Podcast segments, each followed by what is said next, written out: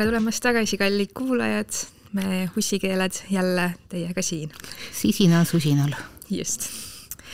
ja meil on jälle mitmeid teemasid, mida arutada, aga mõtlesime, et alustame kõige päevakajalisemast teemast ehk ähm, sellest, äh, kas, kui, kui vanana on veel okei okay saada lapsi, ehk siis ähm, Mailis Reps andis Pealtnägijale intervjuu, kus ta tunnistas, et ta kaotas kahekümnendal rasedusnädalal oma lapse ja Mailis Reps on hetkel neljakümne kuue aastane, tal on kuus last, ta on üksik ema ja hetkel ma siis saan aru, et põhimõtteliselt on ta ka töötu no mitte päris töötu, ta veel Riigikogu nagu tiksub, et, et noh. jah, Riigikogu liige ta veel endiselt hetkel on, jah. just nimelt, ma jäta, ma jätkaks, jätaks praegu kõik äh, Mailise kohvimasina ja muud patud kõrvale. just, ma, ma ka ei viitsinud neid arutada. aga feministina ja naisena, kes on ise neljakümne ühe aastaselt sünnitanud, arvan ma, et, et, et see on nagu tema vääramatu õigus äh, saada lapsi sellises olekus, nagu ta tahaks, nelikümmend kuus, nelikümmend viis, mis ta siin aasta tagasi võis ka olla,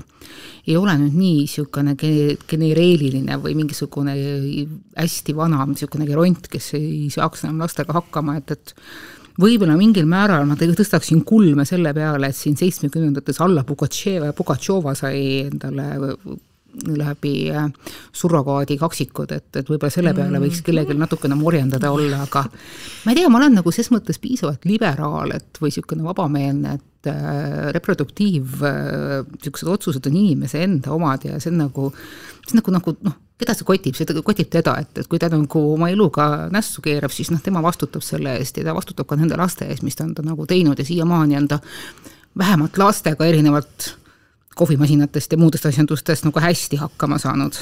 vabandust, hästi loll võrdlus praegu.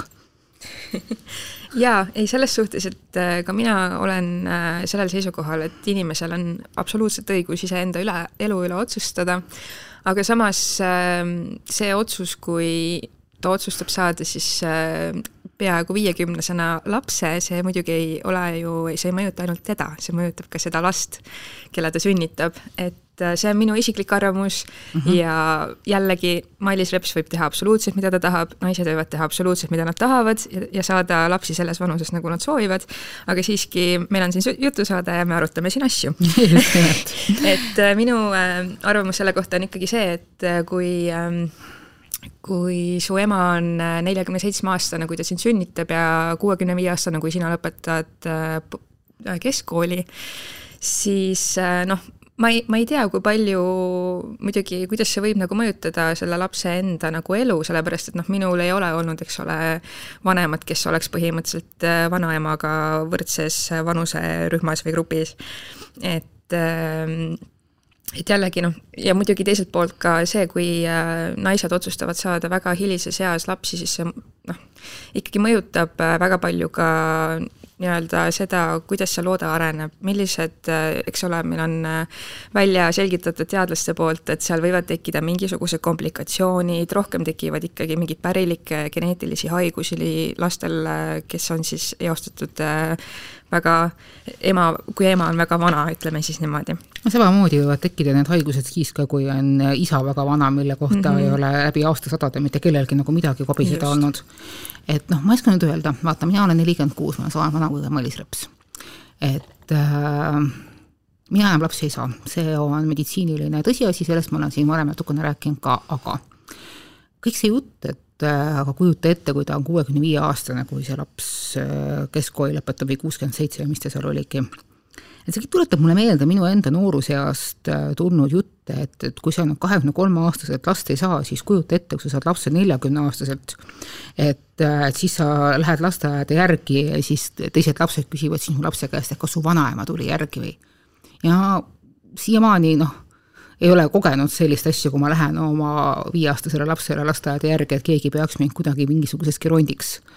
Et, et niisugust asja lihtsalt ei ole, et kui ma esimese lapse sünnitasin, siis äh, ma olen isegi jäänud seda äh, legendi uskuma, et, et noh, siis ma olin kolmkümmend viis, et äh, küll ma olen nüüd tõsiselt vana, tühik ema. ja kui ma seda julgesin ühele naistearstile öelda see sõna otseses mõttes sarjas mu läbi, mitte küll koledate sõnade, aga, aga väga niimoodi koleerilise kõnepruugiga, et noh, et, et mis paganama endisaegade stereotüüpi ma siin taastoodan ise veel, kurat, võtaks ajakirjanik. ja peaks nagu natukene mõistlikum olema ja ma siis piksatasin, et aga nii nad räägivad, et selle peale ta küsis, aga kes räägib, kes räägib sinu elu kohta asju, mis puudutavad ainult sind. nii et, et noh, et see noh, selle asjadel on nagu, nagu hästi palju erinevaid asju ja eks mina sain ka terve oma kahekümnendat, mis oli niisugune eriti sigivus propaganda, tulvil täis üheksakümnendad.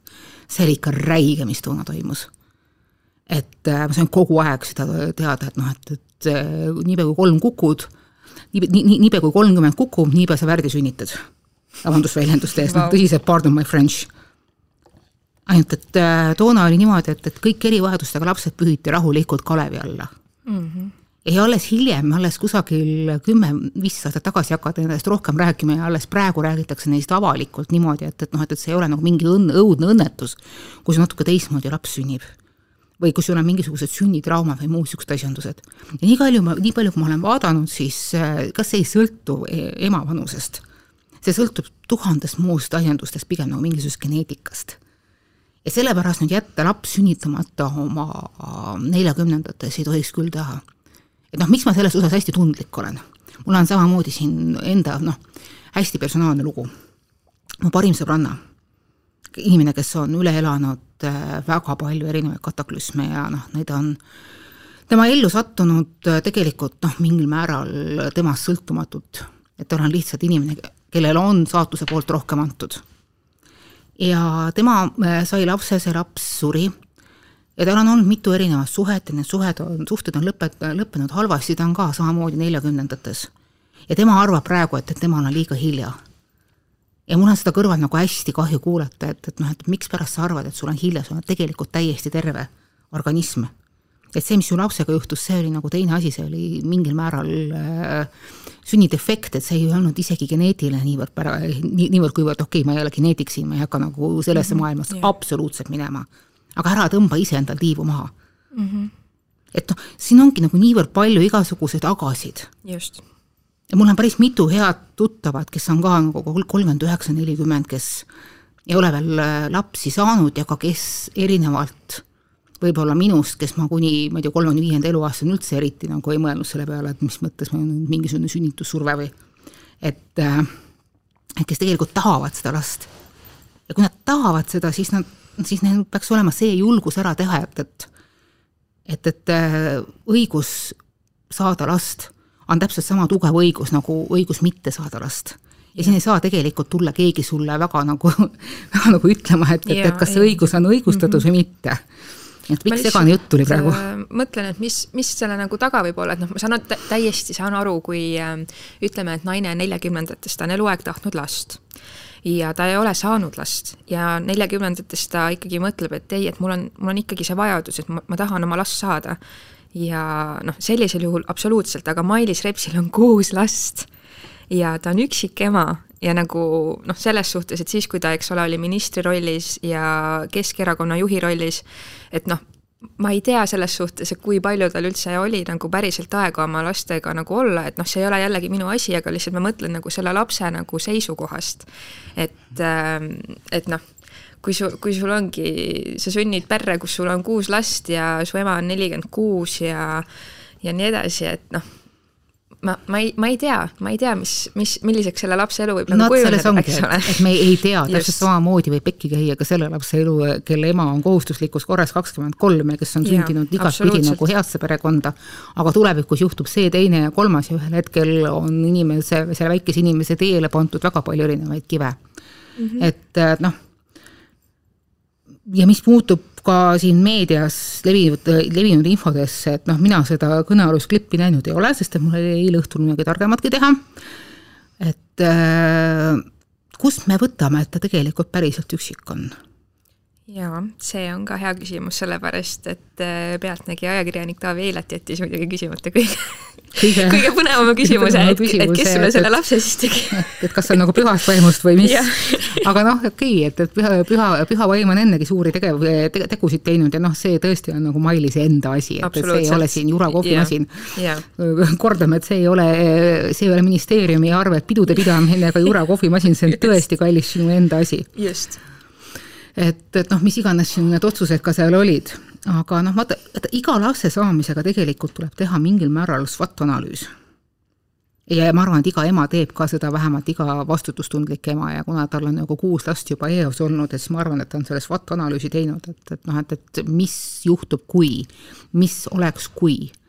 ma mäletan, kui mina oma esimese lapse sain, ma olin siis kolmkümmend viis, et siis me suhteliselt äh, lapse isaga arutasime läbi kõik kõik kõige lollakamad olukorrad, et noh, et, et, et kui meie mõlemad ära sureme, et, et kes selle lapse siis kasvatab üles, et, et noh, et, et kes, kes annab talle seda, kes, kes mõjutab teda niipidi, kes õpetab talle seda või teist või kolmandat.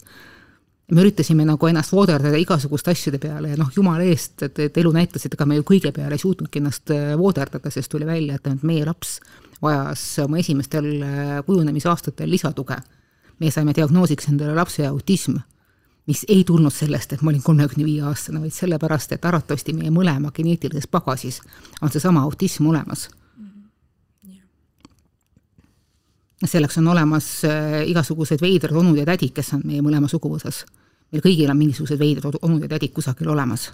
jah no vot, rääkimata sellest, et noh, et, et kes ütles, me ise nii normaalsed oleme ja just, et autism tänapäeval ei ole nagu mingisugune noh, ongi mingi värdjadiagnoos põhimõtteliselt, et autist võib olla väga särav isiksus ja väga tark inimene. just nimelt. see on jah, see on, see on, see on no pigem nagu mingisugune kirjeldus, ma isegi ei oska seda mm -hmm. nagu täiesti õigesti öelda, sest et noh, et see on ka see valdkond, kus on hästi palju veel äh, lahtisi otsi ja kuna mina ise olen pigem, pigem ma arvan, neurotüüpiline siis äh, siin kohapeal ma ei oska nagu neid õigeid kirjeldusi anda ja andku jumal mulle ja, ja, ja kõik äh, teised autistid andeks, et kui ma siin nüüd nagu kusagil nagu koperdasin.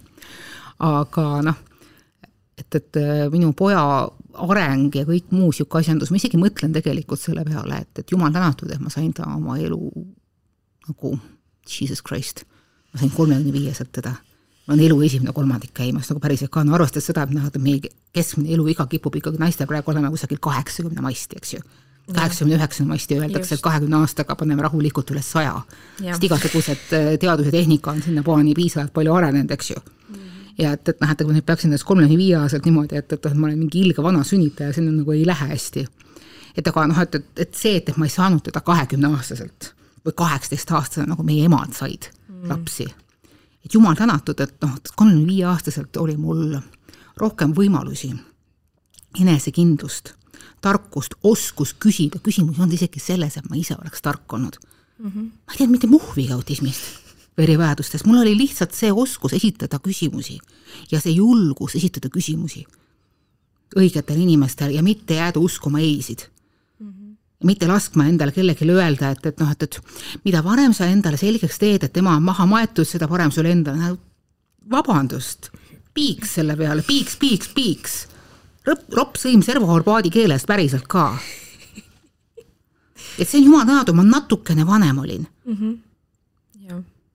Minu ema oli kakskümmend kaheksa, kui ta mind sünnitas ja noh, tema ütles, et see oli nagu ideaalne iga, kuna last saada, et äh, ta oli ära lõpetanud oma ülikoolid, sest ta õppis, eks ole, arstiteaduskonnas, mis võtab päris kaua aega. Wow..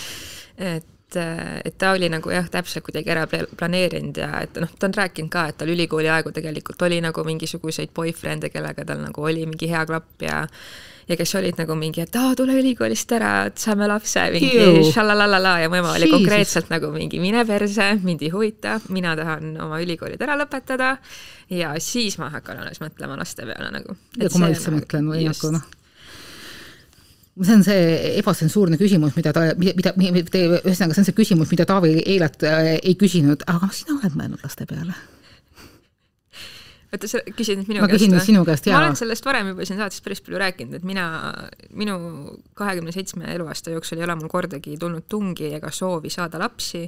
Äh, lisaks sellele on mul äh, polütsüstilise munasarja sündroom, mis äh, vägagi raskendab mul naturaalsel teel rasestumist. seega minu jaoks on see nagu just nagu plussiks olnud eluaeg, et nagu noh, tavaliselt naised on nagu mingi hästi kurvad, et umbes mingi, et oh my god, et mul on mingi see polütsüstilised munasarjad ja mingi oh my god, ma ei saa lapsi ja mingi ma olen terve aja olnud nagu mingi jess, aitäh saatus või jumal või kes iganes, et te andsite mulle sellise asja, et ma võin vabalt keppida mul ei ole nagu mingeid suuri hirme lihtsalt, et ma jään nüüd rasedaks sellest vaata, vaata kogu meie ühiskond on tegelikult üldse natukene liiga niisugusem noh, halvas mõttes lapsekeskne, et laps on nagu mingisugune asi, mida peab omama, see on nagu mingisugune ja. staatuse sümbol, aga see, et kuidas see laps üles kasvab ja, ja kuidas seda kasvatatakse ja kas meil on üldse keskkond, mis nagu soosib äh, lapsi kui selliseid, äh, ma mõtlen ühiskondlikul tasandil, kõik need, kas, kas meil on koolis ja lasteaias õige, õiget tuge, et, et noh, et, et selle mhm. koha peal on nagu väga suured augud, et aga küll umbes nii, et, et kodu aitab. ja siis kodus arvatakse, et oh küll kool aitab. ja pigem on see, et, et noh, et kogu, kogu neid lapsi, et, et noh, mingisuguseid äh, aumärke endale reväärile, aga et, et noh, et kuidas üles kasvab, küll ka kuidagi ikka saab. aga see on nagu niisugune mingi naljakas maskuliinnormatiivne suhtumine mm. -hmm, yeah et nagu mingisugused noh, nagu see oleks nagu mingisugune, ma ei tea, aktsiaid, mida rohkem endale nagu koguda ja et, et, et, et küll nad kunagi ühel hetkel hakkavad tagasi tooma, ei too, lapsed on suur väljaminek. ja see, et, et noh, et, rääkida, et lapsed on mingisugused pensionisambad nagu vabandust, loll jutt, loll jutt suua, ma ei tea, kuhu tagasi. kes, kes pagan esiteks garanteerib sulle, need lapsed äh, täisikka jõuavad. Ja pärast seda, kes garanteerib, et need lapsed ei pane esimesel võimalusel madalstardist kusagile muudele sajusaartele edasi. just. ja siis, kui nad lõppude lõpuks suured on, kes kurat garanteerib, et sina ei ole äkki see, kes neid tegelikult üleval, üleval peab pidama natukene aega, vähemalt esimesed kakskümmend aastat või kolmkümmend aastat, nagu on juhtunud vanades Euroopa maades. jah, absoluutselt. siin on nagu niivõrd palju määramatuseid, et hakata mingisugust järeltulijatest teha ja tegema endale sambaid või mingisuguseid muid niisuguseid asju ei noh, ma saan sellest aru, et, et kui sul lapsed on ja sa kardad mingi iga hinna eest mingit üksindust või et keegi sind ära unustab ja, seda loomulikult arvatavasti vähemalt kahel korral aasta tullakse sind ikkagi noh, vaatama sünnipäeval, okei okay,, kolmel korral, sünnipäeval, jõulude ajal ja emadepäeval. aga kas see on nagu põhjus lapsi saada? ei ole vot täpselt, et noh, kui ma olen oma emaga rääkinud, siis äh, noh, ma olen varem ka sellest siin saates rääkinud, siis minu ema nagu on ikkagi põhiliste põhjustena, et miks tuleks lapsi saada, nimetanud kaks reeglit või nii-öelda kaks ideed, et üks ongi see, et äh, kui sa oled vana, et siis sul on ikkagi nagu kindel nii-öelda sõber või mingisugune inimene, kes sinuga ikkagi juttu räägib. Äh, just täpselt. ja teine on siis see, et äh, peab olema ikkagi keegi, kellele tulevikus vanana kõik asjad edasi pärandada. et kui sinu nagu kaks reeglit või nii-öelda motot, miks saada lapsi, on niivõrd pinnapealsed, siis sorry, aga mida perset mina arvan, et mina ei päranda oma lastele mitte kui midagi, et mina, et minu korter ja suvemaja lähevad tulevikus eh, selleks, et minu lapsed ei peaks mind kusagil eh, hooldekodus nagu käima poputamas ja oma olematut palka selle peale kulutama. mis on minu meelest nagu tõeliselt niisugune oma lapsi armastav tegevus. et sa suudad iseenda, ma ei tea, kirsturaha kokku kraapida.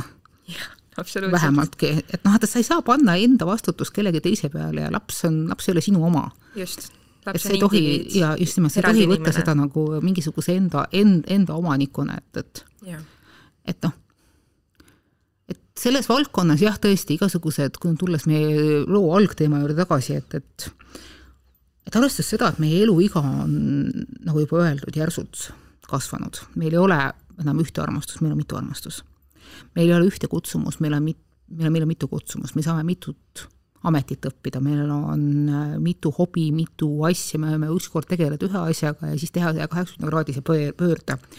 elu on juba piisavalt pikaks muutunud, et seda teha ja meie teadus ja tehnika on läinud niivõrd kaugele, et, et see viimane elupool või veerand või mis iganes ei pea olema puhas äh, virelemine, eks ju, et kui sa oled oma tervist siiski suutnud hoida, et siis see ei tähenda seda, et, et noh, et, et kuskilt kukub ja võtad valge lina ümber ja hakkab patseerima kalmistu poole ja seetõttu igasugused laste saamised lähevad ka natukene edasi ja lähevad natukene kaugemaks. kus kohas siin on mingisugune loomulik pool, no ma ei tea. aga hästi palju näiteks mujal maailmas on, ongi lugusid sellest, kuidas alles neljakümnendates, viiekümnendates saadakse lapsi. saadakse lapsi enam mitte normaalse või noh, jutumärkides normaalsel teel, vaid saadakse läbi surrogaadi mm. -hmm ja see on nagu sellele, selle, sellele on vähemalt meil on tulnud hästi palju niisugust äh, heiti, et et, et niisugust asja ei tohi teha, niisugust, noh, et see on lastega kaubitsemine ja kui sa vaatad neid ka viiekümnendates, kuuekümnendates perfektse kehaga Hollywoodi kaunitare, kes elu sees ei kannataks välja üle kolmanda trimestri. absoluutselt. et, et noh, et, et tõepoolest, et noh, et kõik see asi on nagu jama mm.. aga teistpidi jällegi, kui ma olen nagu näinud Eestis ka piisavalt niisuguseid hästi normaalseid keskeale lähenevaid, võib-olla ka täiesti noori inimesi kellel mingil põhjusel ei ole põhju-, ei ole võimalik seda last saada, siis ma jällegi mõtlen, et, et noh, et, et, et see surrogaatemadus on tegelikult noh, vähemalt nagu see on nagu tehtud usaldusväärselt ja kontrollitud või ma ei, ma ei kujuta ette, kes ja kuidas seda peaks kontrollima, aga ma kujutan ette, siin annab mingisugused see mehhanismid välja töötada. see tegelikult on väga inimlik asi. või kuidas sulle tundub? Mina ei ole üldse surrogaatemaduse vastu, et äh, rasedus on ikkagi nagu minu arust väga-väga ränk asi, mida üle elada nagu naisel, selles suhtes, et muidugi oleneb rasedusest, osad naised nagu nagu väike kerge tuulekene läheb see rasedus mööda, on ju. ja mina olen üks neist.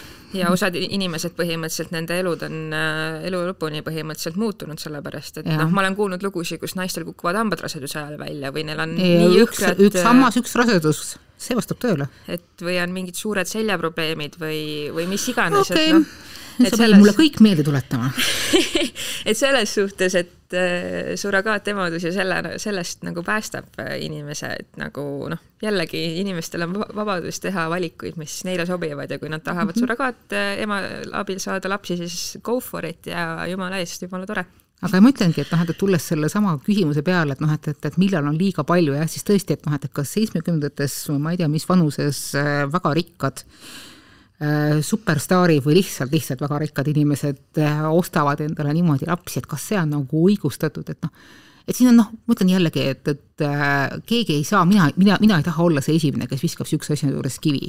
Aga loomulikult see paneb nagu mõtlema, et, et noh, et mis on mhm. inimese elu, elu väärtus või hind yeah.. aga mingil määral ma jälle mõtlen, et, et võib-olla see tegelikult see vestlus või vaidlus on äkki maha peetud juba sel hetkel, kui me üldse tuli äh, mingi reproduktiivmeditsiin, kui arstiteadus hakkas aitama inimestel nagu rasedaks saama, sest et et muidu siiamaani oligi nagu jumalik juhus mm -hmm. või siis üldse noh, siis nagu ilma, ilma jumalata juhus, et noh, et see, kes kogemata rasedaks jäi, et noh, et, et see jäi.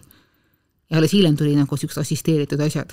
Ja mul on näiteks nagu üks hea tuttav, kes äh, igasuguste niisuguse loomulikkuse juttude peale teatab üsna üsna niisuguse jõhkra huumoriga, et, et nojah, et, et kui nagu usu, usuksime loodust ja loomulikkust, siis äh, mina oleksin surnud. ja minu, ja mõlemad mu lapsed oleksid samuti surnud, sest et, et temal on lihtsalt äh, selline kehaehitus, et, et, et ta ei ole võimeline loomulikkust sünnitama mm. -hmm. ja mõlemal korral ta sunni, muuseas sunniti sünnitama loomulikult kuni selle momendini, kui leiti ta ikkagi umbes nii, et see, noh, et see asi läbi, läbi ei lähe et see on nagu kaasaeg ka, et, et noh, et, et loomulik, loomulik, aga siis tuleb välja, kurat, et tegelikult juba, juba ammu teadsime, et ei ole võimalik mm. -hmm.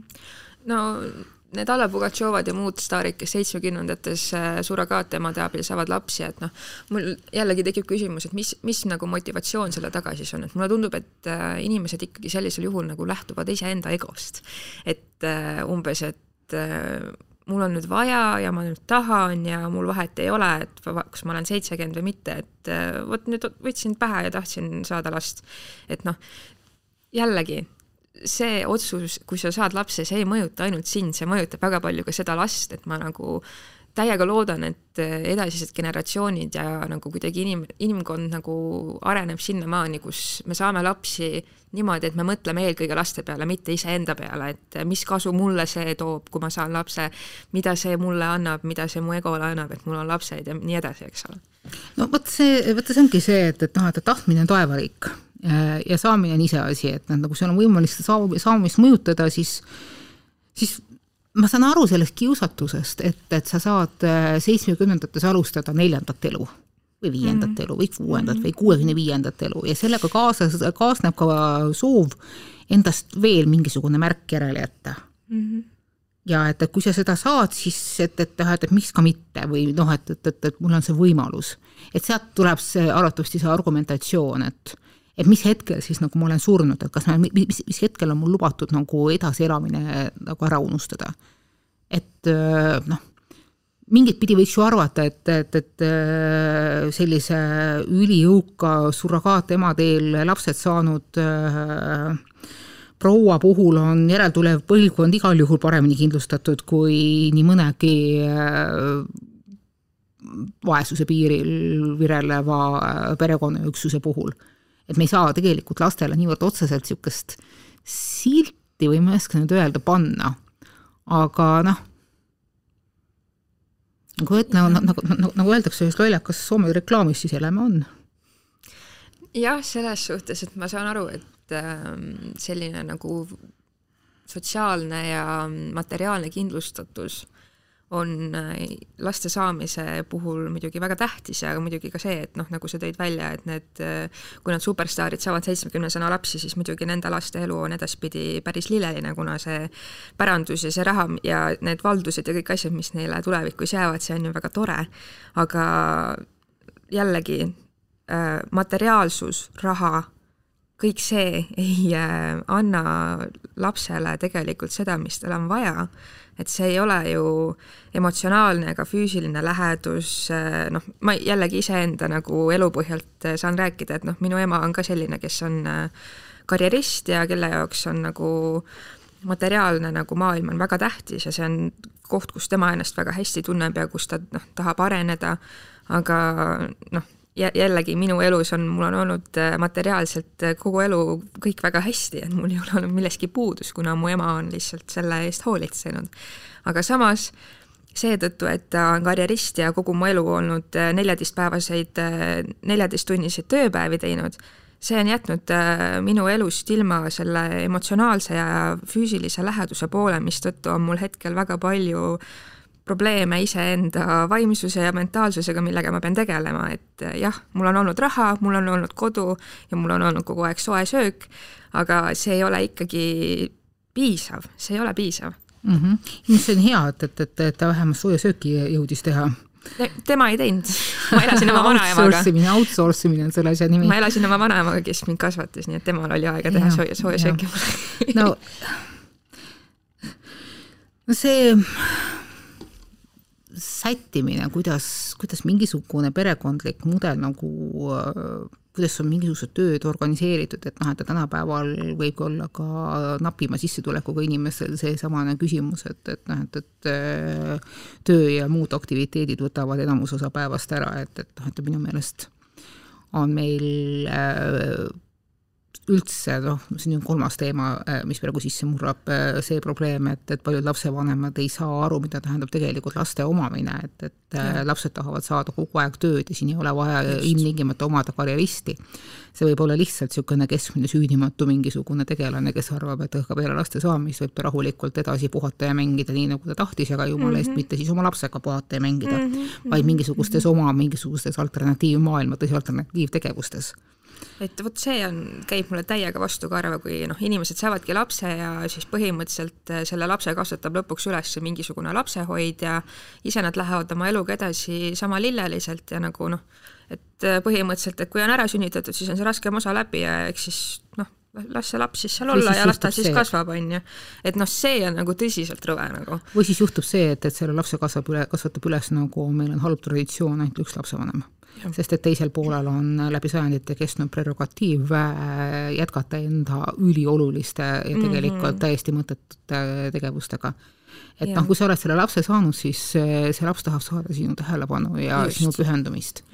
ja noh, samas jällegi ma saan aru, et, et äh, noh et kui hea on tegelikult, kui sul on äh, nagu vanemad põlvkonnad, kes aitavad, et tegelikult on, see on hea, et, et, et sinul oli see vanema kogemus, minul ja. oli ka vanema kogemus, kuigi ja. minu perekond oli suhteliselt vaene, nagu rääkimata sellest, et et noh, tegelikult ma ju, noh, ma olen küll üles kasvanud hästi nappide sissetulekutega kodus, sellepärast et, et minu ema oli suures osas üksikema ja ta töötas lasteaias ja seal ei olnud nagu selliseid selliseid võimalusi, aga mina olin mm. hästi palju oma vanemate juures, et ma sain nagu nende mingisuguse pärimuse ja noh, praegu ma näen, et, et et mingisugune lõtk on nagu, nagu edasi minemas, et, et noh, et, et, et selleks, et laps saaks nagu kasvatada, siis siis vanemate panus ongi hästi oluline, et, et sul on see vanaema olemas, kes annab mm -hmm, seda mm -hmm. ja võib-olla see ongi üks tegelikult miinuseid, üks niisuguseid praktilisemaid või noh, niisuguseid realistlikumaid miinuseid, mis on hilisemas elus laste saamise vastu räägib.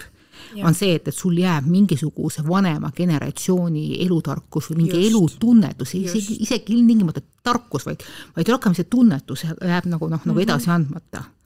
Siis ma isegi ei mäleta, et niimoodi minu vanemad oleks mind hagaralt seal õpetanud mingisuguseid asju tegema, aga nad pigem nad andsid mingisuguse osa enda narratiivist, enda lugudest ja nende lugude põhjal sain mina nagu siis koos nagu enda parasjagu hankitava informatsiooniga luua enda jaoks mingisuguse uue reaalsuse või noh, uue tegelikkuse. Mm -hmm. et see tegelikult, kui sa lastega noh, nagu lapsed tulevad hiljem, et, et, et, et see on nagu olematu.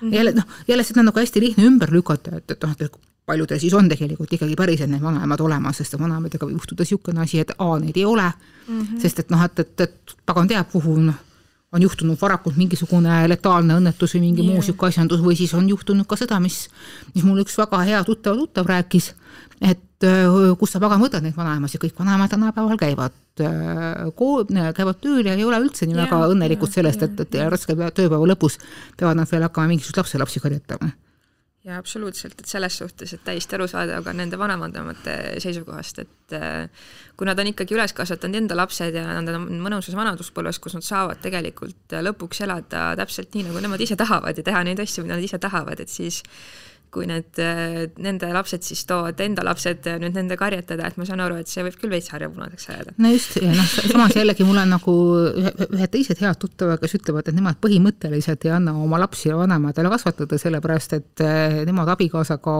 on läbi mingisuguse ime saanud normaalsetest inimestest, inimesteks hoolimata oma vanemate kasvatusest mm. -hmm, mm -hmm, ja seda juttu oli ka mul alati nagu hästi kummaline kuulata ja siis ma ükskord nagu sain kohtu, noh, kohtusin tema nende pagana vanematega ka ja siis mõtlesin, et okei okay,, et, et noh, et siin on tõesti mingisugused kõrgemad võnked käimas, et, et äkki tal isegi mingit pidi oli õigus mm. -hmm.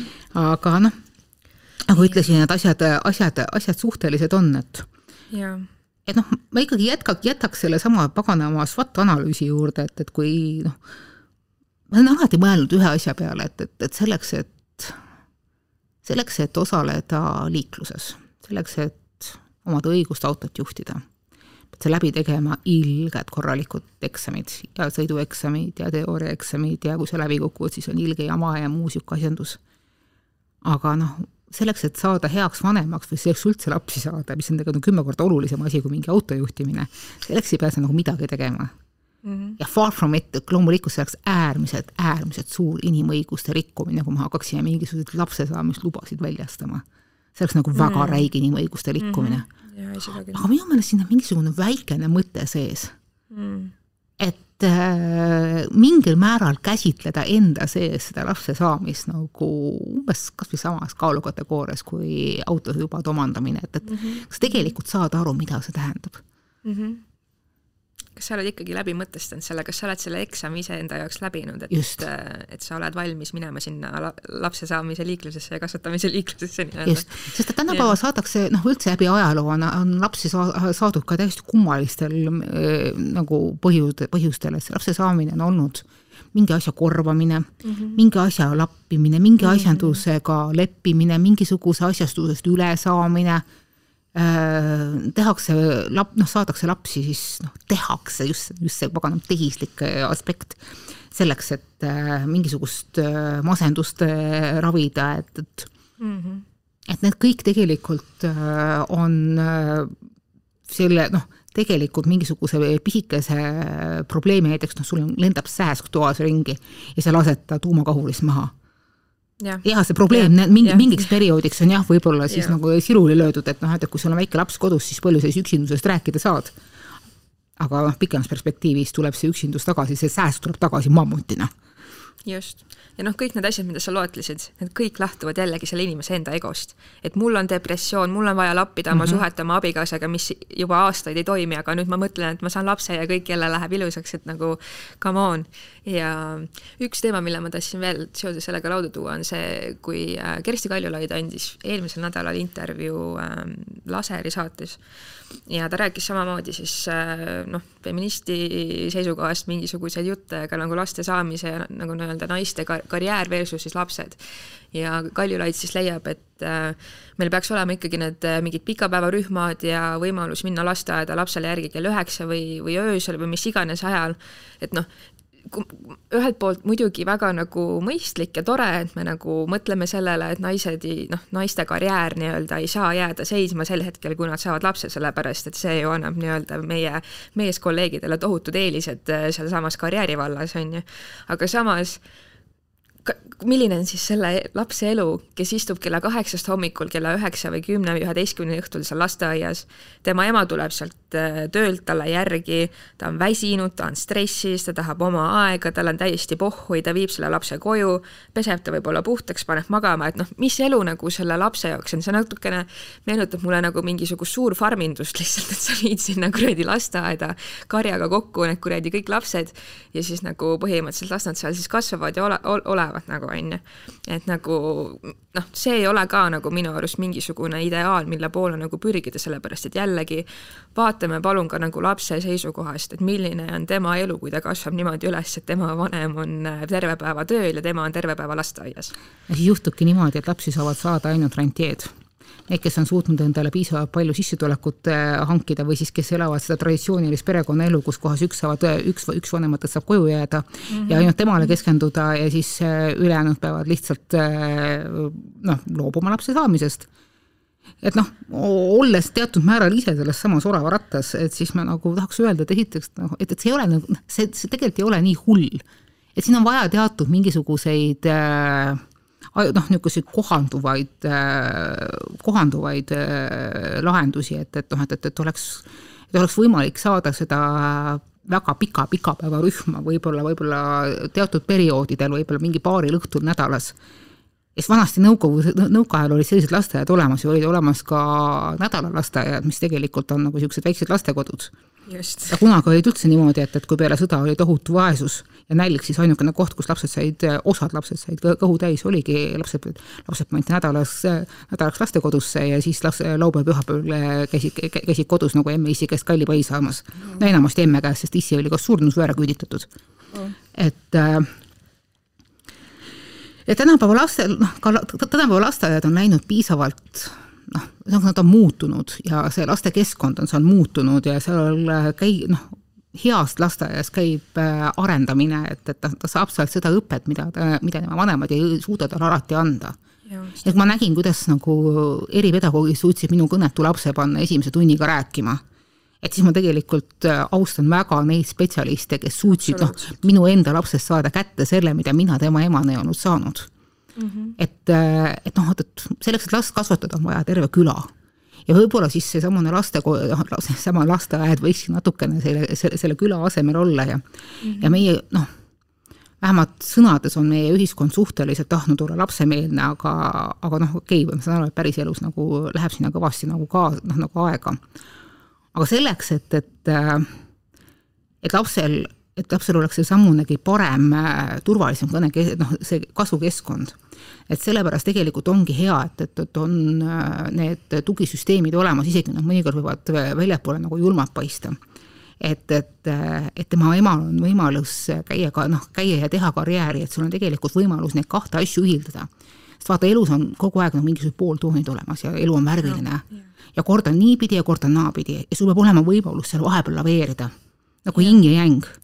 et sa saad nagu tööl käia ja läbi selle ennast et, äh, nagu keskenduda või noh, läbi, läbi, läbi selle ennast nagu, nagu äh, püstitada ja toetada ja sul on olemas äh, see materiaalne ja ka eneseteostuslik äh, tugi ja, ja siis läbi selle enda last arendada ja kasvatada, anda endasse seda osa selle vaimse pärandini edasi kas või selleks, et noh, et, et, et anda talle raamid ja toetada, kas või anda talle, talle see, mis on tegelikult minu meelest elus kõige vajalikum, enesekindlus. jah, just. Et noh, need äh, lasteaiad ja eripedagoogid, et loomulikult need on nii vajalikud ja väga tore, et need on olemas, aga samas noh, see ongi see, et need ei asenda ikkagi seda vanemlikku sidet, seda emotsionaalset ja füüsilist äh, lähedust, mis on vaja tegelikult lapsel oma ema ja isaga, et ta kasvaks üles täpselt nagu noh, enesekindla ja täisväärtusliku inimesena.